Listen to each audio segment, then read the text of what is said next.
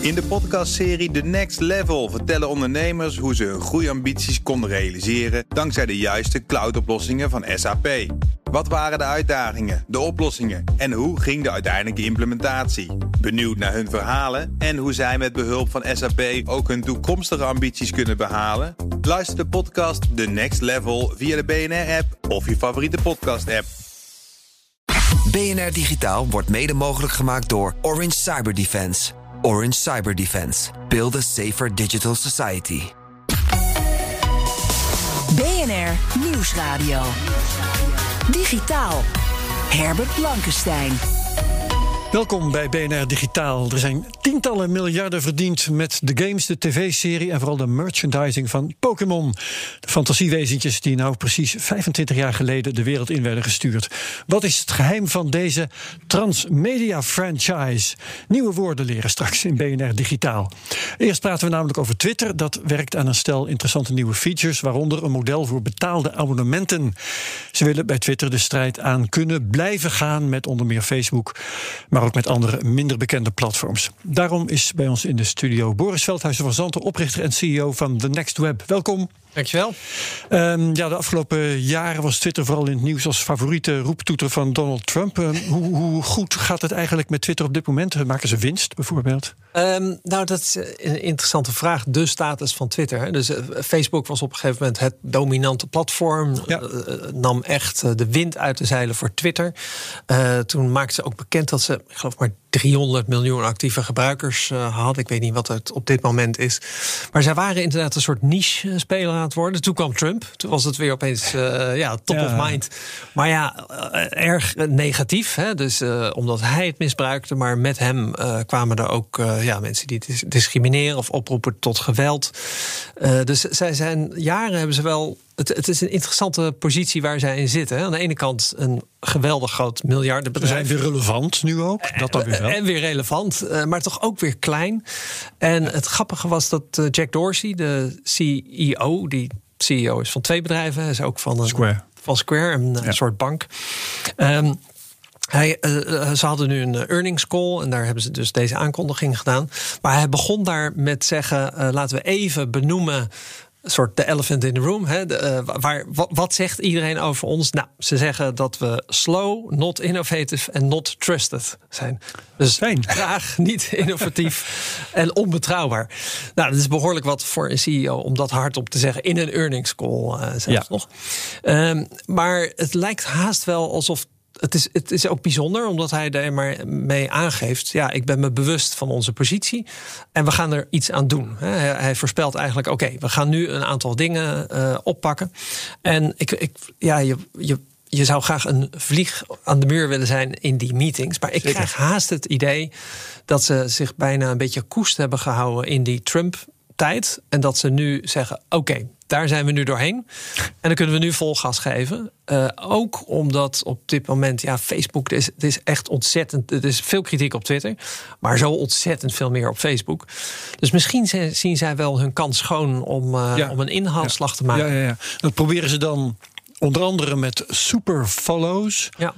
En dat worden dan abonnementen die je kunt nemen als gebruiker op andere gebruikers eigenlijk. Hè? Eigenlijk wel, ja. ja, op, goed op uh, influencers of mensen met veel bereik. Ja. ja. Dus het, het is inderdaad een systeem. Uh, het lijkt een beetje op uh, OnlyFans. OnlyFans is een service eigenlijk vooral gebruikt voor, laten we zeggen, adult of uh, erotische content. Waarbij ja. uh, hè, dus dan ben je Instagram-influencer. En dan uh, kun je bijvoorbeeld als vrouw kun je dan zeggen: Nou, ik heb hier een foto van mezelf in bikini. Maar als je nou doorklikt naar mijn OnlyFans. En daar kun je dan lid van worden. Dan doe ik misschien wel. Zie je misschien mij wel zonder bikini. Ja. Um, een heel uh, succesvolle service, omdat het juist voor mensen met een, een loyaal publiek, die een splitsing kunnen maken tussen, nou, dit is een beetje gratis content, maar ik heb ook meer dan dat, uh, ja, een, een businessmodel hebben. En Twitter lijkt zoiets te gaan introduceren. Dus je moet je voorstellen dat je straks heb je de tweetbutton en dan kun je kiezen, nou, deze tweet is voor iedereen, of deze tweet is alleen voor mijn superfollowers. Ja. En maar maar um, jij, noemt nou erotische content. Hè? Ehm, ik weet niet of Twitter zich daar nou weer mee wil gaan profileren. Nu ze net van Trump af zijn. Ja. Bovendien is die markt al uh, vergeven aan een andere partij voor een belangrijk deel. Dus wat voor mensen of eh, bedrijven eh, kunnen hier wat mee? Ja, dus eh, ik kan me voorstellen, stel je voor dat je bent een digital marketeer en je schrijft veel over marketing en je hebt honderdduizend volgers dan zou je kunnen zeggen, nou, ik, ik, uh, ik tweet gewoon interessante informatie. Maar één keer per week doe ik een speciale tip. Uh, inclusief een link naar een digitaal product wat ik heb. En dat is voor mijn superfollowers. En die krijgen dan ook korting op bepaalde producten die je verkoopt.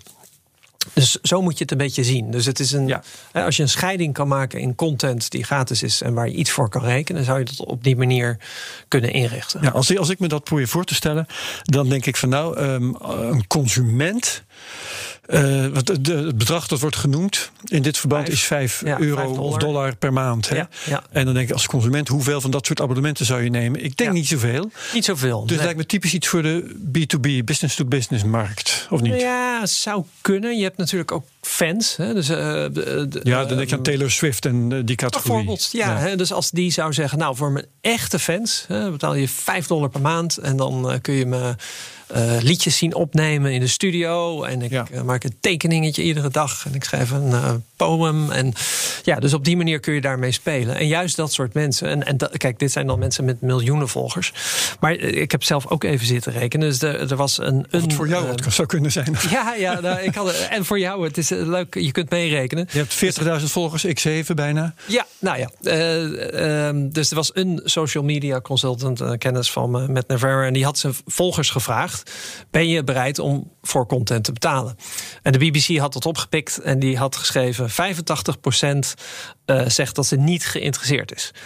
En dan denk je, oh ja, dus de meeste niet. Ja, maar dat is altijd zo. Dat is altijd zo, ja. En als 15% wel geïnteresseerd zou zijn... nou, ik heb met 30.000 volgers gerekend. Hè, dus als ik 30.000 volgers mm heb en 15% is geïnteresseerd, dat is 4500 mensen en die betalen 5 dollar per maand, dus 13.500 euro per maand. Oké, nou, dat is, klinkt goed. Ja. Maar 15% eh, lijkt mij ontzettend veel en meestal heb je het over 1%. 1% van je ja, audience is wel bereid om iets te betalen. Nou, met 1% zou ik dan uitkomen op 1500 dollar per maand. Ja, en ik ben. in elk geval meer dan de AOW. Ja, en, en, en 30.000 volgers klinkt veel, maar goed, op, op, op Twitter is dat niet superveel. Hè? Dus als je 100.000 volgers hebt en met 1%, nou ja, dan zit je ook al op 4500 eh, dollar. Dus ja, het zou. Maar weet je, de categorie mensen die 100.000 volgers heeft, vindt 4500 dollar meestal niet zoveel. Nou, dat is de vraag. Dus uh, uh, daar zou je gelijk in kunnen hebben. Het zou toch ook net een beetje een soort. Dat kan een, een tussensegment zijn, wat net te klein is om echt fulltime influencer te zijn, maar toch wel bereik heeft. En die kunnen dit proberen. En Net zoals in de Gold Rush uh, het meeste geld werd verdiend uh, met de verkoop van scheppen. Ja. Ja, zou het uh, hier ook zo kunnen zijn dat uiteindelijk Twitter daar toch het meest aan heeft. Dus dat ook mensen met 10.000 volgers, dat die zeggen van nou, ik ga dat doen. En die hebben dan misschien maar 10 subscribers. Dus het is helemaal niet de moeite. Maar ja, als je er daar weer voldoende van hebt, dan is dat voor Twitter wel weer aantrekkelijk. Dus ik denk dat er wel degelijke markt voor zit. Aan twee kanten. Voor Twitter sowieso. Ook voor de mensen waar, voor wie het eigenlijk niet succesvol is. Op die paar subscribers. Maar dat er toch ook een segment is wat zegt van nou, ik zit zo tussen de 50 en de 100.000. Ja, net groot genoeg om het serieus te nemen. maar net niet groot genoeg om wereldberoemd te zijn. En dat die op deze manier toch een manier vinden om, ja, om Twitter wat aantrekkelijker te maken. Om meer in te investeren. Want dat is het natuurlijk ook. Hè? Ja, Twitter gaat meer proberen. Um, ook um, reviews hebben daar hebben ze een Nederlandse start-up eh, voor overgenomen trouwens. Hè? Eh, wat is dat? Ja, het lijkt op OnlyFans, maar het is helemaal gefocust op nieuwsbrieven. Dus het is eigenlijk een hele makkelijke. Het is eh, echt iets waar we in Nederland trots op kunnen zijn. En we houden van simplicity en Dutch design. Wel iets uit een voorbij tijdperk. Ja? Om trots te zijn op Nederland? Nee, nee, nee, nieuwsbrieven. nieuwsbrieven. Ja. Ja, dat lijkt het wel, ja. Maar dus die, die simpliciteit, hè, die we een beetje verloren waren op internet. Ja. Uh, bijna het onschuldige. Ik schrijf gewoon wat en jij leest het. De, ja, je, je raakt al snel uh, verdwaald tussen de advertenties en de tracking scripts en in het algoritme van Facebook. En nieuwsbrieven hebben dat allemaal niet. Het is super simpel. Jij volgt mij, ik schrijf iets op, je krijgt het in je inbox. That's it. Er zitten weinig valkuilen in, weinig scripts die jou kunnen volgen. En, en dat pure, dat, het lijkt alsof mensen daar toch behoefte aan hebben. Ja. En die behoefte vervulde revue. Dus het is een hele makkelijke manier om, om ja, een, een audience op te bouwen. En dan wekelijks of zo vaak je wil, ze een nieuwsbrief te sturen die ook mooi gedesigned was. Alles eigenlijk ja, het, met de focus op, op, op simpel. Maar hoe moet ik dat zien in combinatie met Twitter eigenlijk? Dat, dat het dan in de vorm van een tweet eh, tot me komt? Nou, je, kijk, ik kan me voorstellen dat je. Nee, eigenlijk omgekeerd. Uh, Twitter heeft meer aan revue. Dus als je nou dat hebt. En je kan zeggen, nou, je betaalt en dan, uh, nou, krijg je uh, uh, dat, de korting op een product. En je krijgt één keer per week van mij een e-mail. En die e-mail stuur je dan via Revue. En in plaats van dat helemaal opnieuw op te bouwen, heeft Twitter dat gekocht. de, de vormgeving paste al heel erg bij Twitter. De integratie was ook heel onverwacht. Binnen een week was het er. Hè, zat er een knopje in Twitter met begin eigenlijk je, je mailservice. En dat dat straks geschaard wordt onder Superfollow is eigenlijk heel logisch. Nog even kort, want er is ook nog Fleets. Ja. Dat is eigenlijk uh, gepikt van Instagram, niet? Nou, pikken. Nou ja, het is, het is redelijk gebruikelijk, dit soort. Ja, inderdaad. Ja, op internet is het zo gewoon om uh, mee te liften op, uh, op elkaars succes. Dat, uh, ja, zij hebben daar ook een implementatie van. Het, het, ik ja, zie daar nog weinig succes. Maar het, ik zou eerder zeggen: het is een, een signaal van dat Twitter niet stil zit. Ja. En dat ze nu echt hebben besloten: we gaan meer services ja, integreren. Desnoods overnemen, desnoods zelf bouwen. Ja. dus ik verwacht er nog veel van. En gaan ze daarmee relevant blijven? Ja, ik, nou, dat is natuurlijk moeilijk te voorspellen. Maar ik, heb wel, ik ben wel optimistisch over Twitter. Ja. Ze, ze leken een beetje te stagneren een paar jaar. Hè. Dat niet innovatieve en trage, waar eh, Jack uh, over sprak. Maar eh, zo langzamerhand merk je toch dat dat degelijke, dat, dat simpele, sombere bijna wat Twitter had, dat dat eigenlijk wel een succes was. En dat alle, alle ja, de fluff van Facebook, dat we daar eigenlijk een beetje moe van zijn. Oké, okay, uh, Boris Veldhuis van Hanten, bedankt en blijf erbij voor het volgende onderwerp. Want bereid je voor op een feest van herkenning of uh, misschien wel op een ergernis waar je de rest van de week nog last van hebt.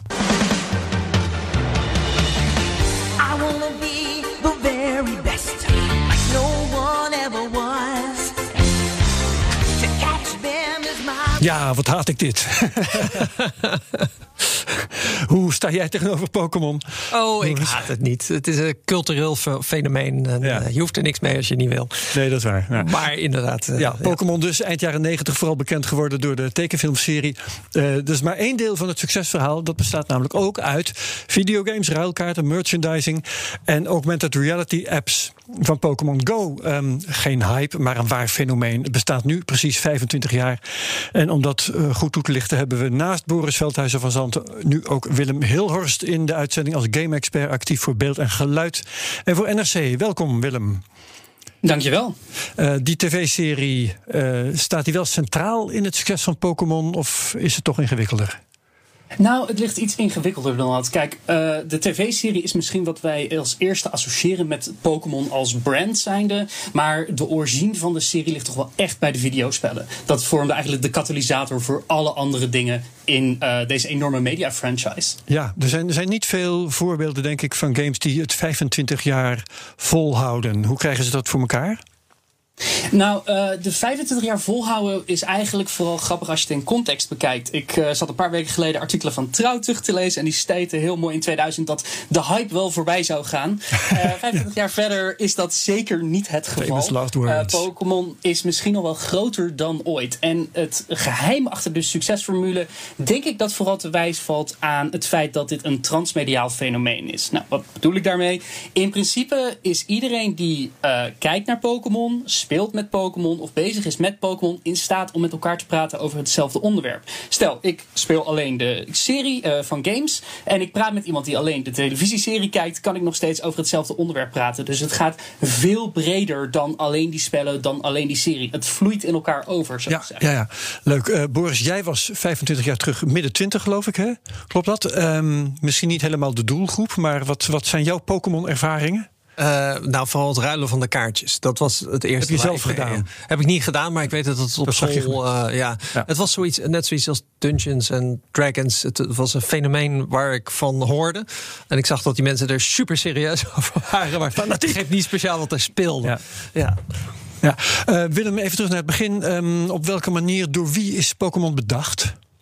Ja, Pokémon is bedacht eigenlijk door uh, een drietal mensen uit Japan. Namelijk Satoshi Tajiri, dat is de originele bedenker van het spel. En hij werd gefascineerd omdat hij in zijn jeugd een verwoed verzamelaar was van insecten. Nou ja, daar zien we al de lijn met Pokémon liggen. Namelijk ja, ja. het erop uitgaan en het verzamelen van al die en beestjes. En de vele soorten, ja. ja, ja.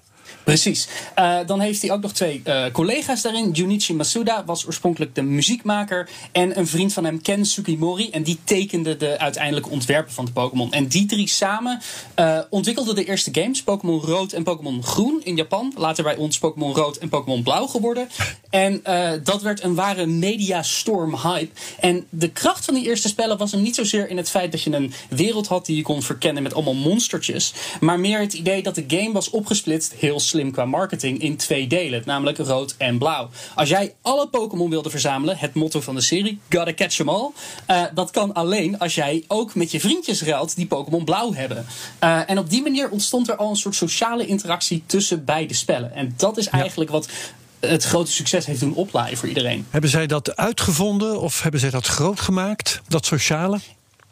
Ik zou eerlijk zeggen dat zij dat groot hebben gemaakt. En het was natuurlijk ook een beetje de mediastorm van die tijd. Weet je, eind jaren 90, de Game Boy waar ze op uitkwamen, was al eigenlijk ten dode opgeschreven, achterhaald volgens veel mensen. Maar dankzij het kunnen ruilen van die beestjes raakte er een soort, ja, ik zou het bijna schoolpleingeruchten willen noemen. Uh, jij ging ja. thuis spelen en je kwam de volgende dag naar het schoolplein en zegt: Oh, ik heb deze Pokémon gevonden. En een van je vrienden wist helemaal niet waar je die kon vinden. En zo ontstaan er geruchten, zo ontstaan er sociale interacties. Nou ja, voeg daar de tv-serie aan toe voeg daar kaartspellen met de ruilen eraan toe.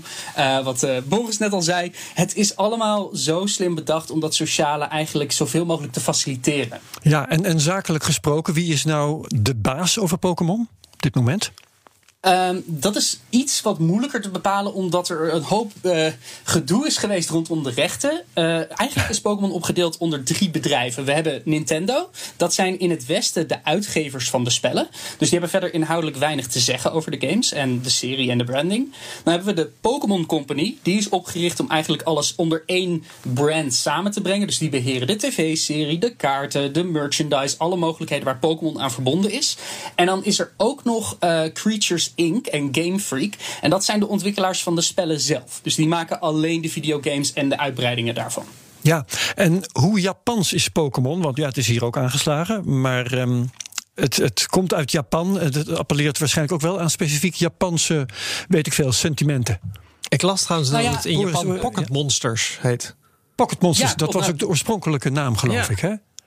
Zeker, en dat is ook het interessante eraan. Uh, de originele titel was eigenlijk Capsule Monsters. Maar omdat in Japan heb je van die gacha-machines. Dat zijn balletjes die je uit een automaat kan halen. En er zit dan een speeltje in. En dat was het idee voor die pokeballen waarin de Pokémon worden verzameld. Dus dat werd Pocket Monsters, afgekort Pokémon. Juist, is een afkorting. Uh, dus daar zie je inderdaad dat, dat Japanse al samenvloeien erin. Uh, de werelden in de games zijn ook grotendeels lange tijd gebaseerd op de Japanse regio's. Dus de eerste game speelt zich af in Kanto. Nou ja, dat is ook een daadwerkelijk eiland van de Japanse archipel. De decors en, dus, heb je het dan over? Ja, precies. Ja. De decors en de aankleding zijn duidelijk geïnspireerd in Japan. Maar later is er eigenlijk een soort omslag gemaakt omdat de Pokémon Company ook al door had. Ja, we zijn wereldwijd eigenlijk heel succesvol. Vanwege dat sociale aspect laten we meer culturen integreren. Dus uh, vanaf de vijfde generatie van games, dan hebben we het over 2009 ongeveer, hebben ze een spel dat zich afspeelt in de Verenigde Staten. Uh, daarna zijn ze naar Hawaii gegaan, naar Engeland ja, ja, op het moment. Dus ze proberen dat meer te integreren in de ontwerpen van die beestjes, maar ook in de manier waarop dat het zich terugreflecteert in nou ja, de algemene cultuur. Ja, ja, ja, maar ze hebben dus wel degelijk um, expliciet, uh, opzettelijk, die um, westerse elementen erin gestopt. Zeker. En het is ook natuurlijk een, een ontzettend briljante move geweest van Pokémon in die zin. Want ze hadden ook al heel snel door dat juist vanwege de uh, universele wil om daar samen over te praten met anderen, dat dat zo toegankelijk mogelijk moet zijn. En dus herkenbaar in alle mogelijke culturen. Ja, ja. Boris, herken jij dat, dat commercialiseren van de Japanse cultuur? Um, eh, is, is dat iets wat jou. je zit een beetje verdwaasd te kijken. uh, nou, ik denk, helemaal. Wat, wat, wat er eerder bijzonder is, is dat het de uh, Japanse cultuur overstijgt en zo'n internationaal fenomeen ja. is uh, geworden. En ik denk dat kinderen over de hele wereld. Het is, de serie heeft in 170 landen gedraaid. bijna alle landen. precies, bijna ja. allemaal. dat de meeste kinderen het gevoel hebben dat het gewoon een, een cultureel fenomeen uit hun land is. En helemaal niet het gevoel hebben dat het Japans is. Dus in die zin is het, is het ja, een heel bijzonder internationaal fenomeen. Ja, ja, ja. Willem, ik uh, begrijp dat er ooit uh, 151 van die wezentjes waren in den beginnen. Het zijn er intussen meer dan 900. Ik hoorde van een wasmachine Pokémon. Ik weet niet meer precies of, of ik dat zeker, serieus zeker. moet nemen. Maar um, ja, ja uh, is, is, dat nog wel, is dat nog wel leuk op deze manier met, met dit soort kunstmatige gedrochten? Ik denk dat het een beetje afhangt van het punt waarin je bent ingestapt in Pokémon. Uh, ik was er relatief vanaf het begin bij, maar als je nu kijkt hoe Pokémon, nieuwe Pokémon ontworpen worden, zie je daar veel meer creativiteit en speling. De originele Pokémon waren heel erg beperkt tot die hardware, namelijk de Game Boy. Uh, dus we hebben bijvoorbeeld in die eerste 151 twee paarse, drabberige blubber Pokémon met oogjes. nou ja, dat vind ik, als ik er nu op terugkijk, helemaal niet creatief. Uh, terwijl er nu veel meer Pokémon zijn, die zijn veel breder georiënteerd. De laatste serie aan games heeft een Pokémon geïntroduceerd. Dat zijn eigenlijk vijf Spartaanse helden in een rijtje die samenvechten. Uh, ze hebben een pinguïn met een groot ijsblok op zijn hoofd. Ja, het klinkt bizar als ik het beschrijf. dat hoor ik ook heel goed. maar de, de creativiteit en uh, uh, inventiviteit met nieuwe Pokémon wordt heel erg mee gespeeld nog steeds. Ze hebben ook steeds meer ja. westerse tekenaars ingehuurd om daarvoor Pokémon te ontwerpen. En dat zijn eigenlijk toch wel een paar van mijn favorieten geworden over de laatste paar jaar. Ja, Boris, jij, jij had ook allerlei sterke verhalen over Pokémon, heb ik begrepen. Een paar, een paar leuke feitjes. Ja, ja. ja er was op een gegeven moment uh, wat kritiek uit uh, christelijke hoek dat het zo'n uh, fenomeen werd en, en, bijna als een religie werd beleefd door, door jongeren. Ja. Dat ze het gevoel hadden: dit gaat niet de goede kant op, er is te veel concurrentie. Dus toen zijn ze met een, een, een, een, een, christelijke variant gekomen waarbij je bijbelse figuren mocht verzamelen. Oh. Dat heeft helaas niet, is niet zo succesvol geworden als uh, Pokémon. Maar ik vond het ook weer grappig dat, ja, dat zelfs op dat niveau er naar werd gekeken als uh, het succes wat het is. Ja, ja, ja. Pokémon Go moeten we even noemen, uh, Willem. Um, dat was een waanzinnig succes. Vijf jaar geleden alweer. Is het dat nog steeds? Want ik zie het niet meer. Ja, bij ons bij de kerk was ooit zo'n samenkomstplek, maar uh, bij de kerk overigens ja. Maar vertel. Ja, je, je zegt was, maar het is nog steeds groter dan ooit. Je zou denken, ja. vorig jaar, nou ja, corona, iedereen zit binnen. Dit is het einde van uh, Pokémon Go. Meer winst dan ooit. 4 miljard uit mijn hoofd aan in-game aankopen. Dus als jij meer Pokéballs wil kopen in dat spel, dan kun je dat doen. En uh, die game is succesvoller dan ooit, omdat ze steeds meer nieuwe Pokémon hebben toegevoegd aan die serie. Maar ook weer op dat sociale aspect hebben ingezet. Dus heel erg zorgen dat jij samen met jouw kleurteam, je had drie kleurenteams, uh, samen kan strijden om bepaalde plekken te veroveren. Ik vind het wel leuk wat je zegt, inderdaad, die ontmoetingsplek bij jou in de buurt. Uh, ik woon zelf in Zeist en we hebben een hele actieve Pokémon Go community. Waarbij ik zelfs nog de les wordt gelezen door mensen van 60 die meer weten over een specifieke Pokémon-spel dan ik. En dan moet ik ook af en toe nog Kijk. ja, uh, de kracht is, eh, heb ik begrepen, dat ze zich steeds weten te vernieuwen. Hè? Toch weer een nieuwe groepen fans aanspreken, nieuwe technieken gebruiken enzovoort. Wat verwacht jij van de volgende 25 jaar? Nou, uh, vorige week was er een presentatie voor wat we kunnen verwachten voor het komende jaar aan Pokémon. Uh, nieuwe games uiteraard. Maar wat daar het meeste bij uitsprong voor mij persoonlijk was dat ze uh, het lijken dat ze Game Freak, de makers van de spellen, meer andere ontwikkelaars aan het roer willen zetten. De heruitgaves van Pokémon Diamond en Pearl hebben een nieuwe ontwikkelaar gekregen, genaamd Ilsa. En die zijn vooral verantwoordelijk voor kleinere Japanse games. Dus het lijkt erop dat Game Freak hun, hun, hun focus wat meer wil leggen ja. op specifieke specifieke titels en andere mensen aan het roer wil laten. En het wordt relatief positief ontvangen binnen de Pokémon fans. Uh, het is natuurlijk nog wel even afwachten hoe dat uitpakt. Maar ik zie dus in de komende jaren dat Pokémon steeds meer manieren gaat vinden hoe ze de games fris houden. En daaruit volgt natuurlijk die enorme merchandising. Ja, Ja, oké. Ehm, bedankt voor je uitleg, game-expert Willem Hilhorst. Ook bedankt studiogast Boris Veldhuizen van Zanten. Je kunt BNR digitaal terugluisteren via bnr.nl, onze app, of waar je ook maar naar je podcasts luistert.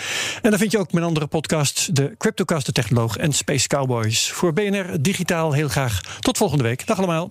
BNR Digitaal wordt mede mogelijk gemaakt door Orange Cyber Defense. Orange Cyber Defense. Build a safer digital society.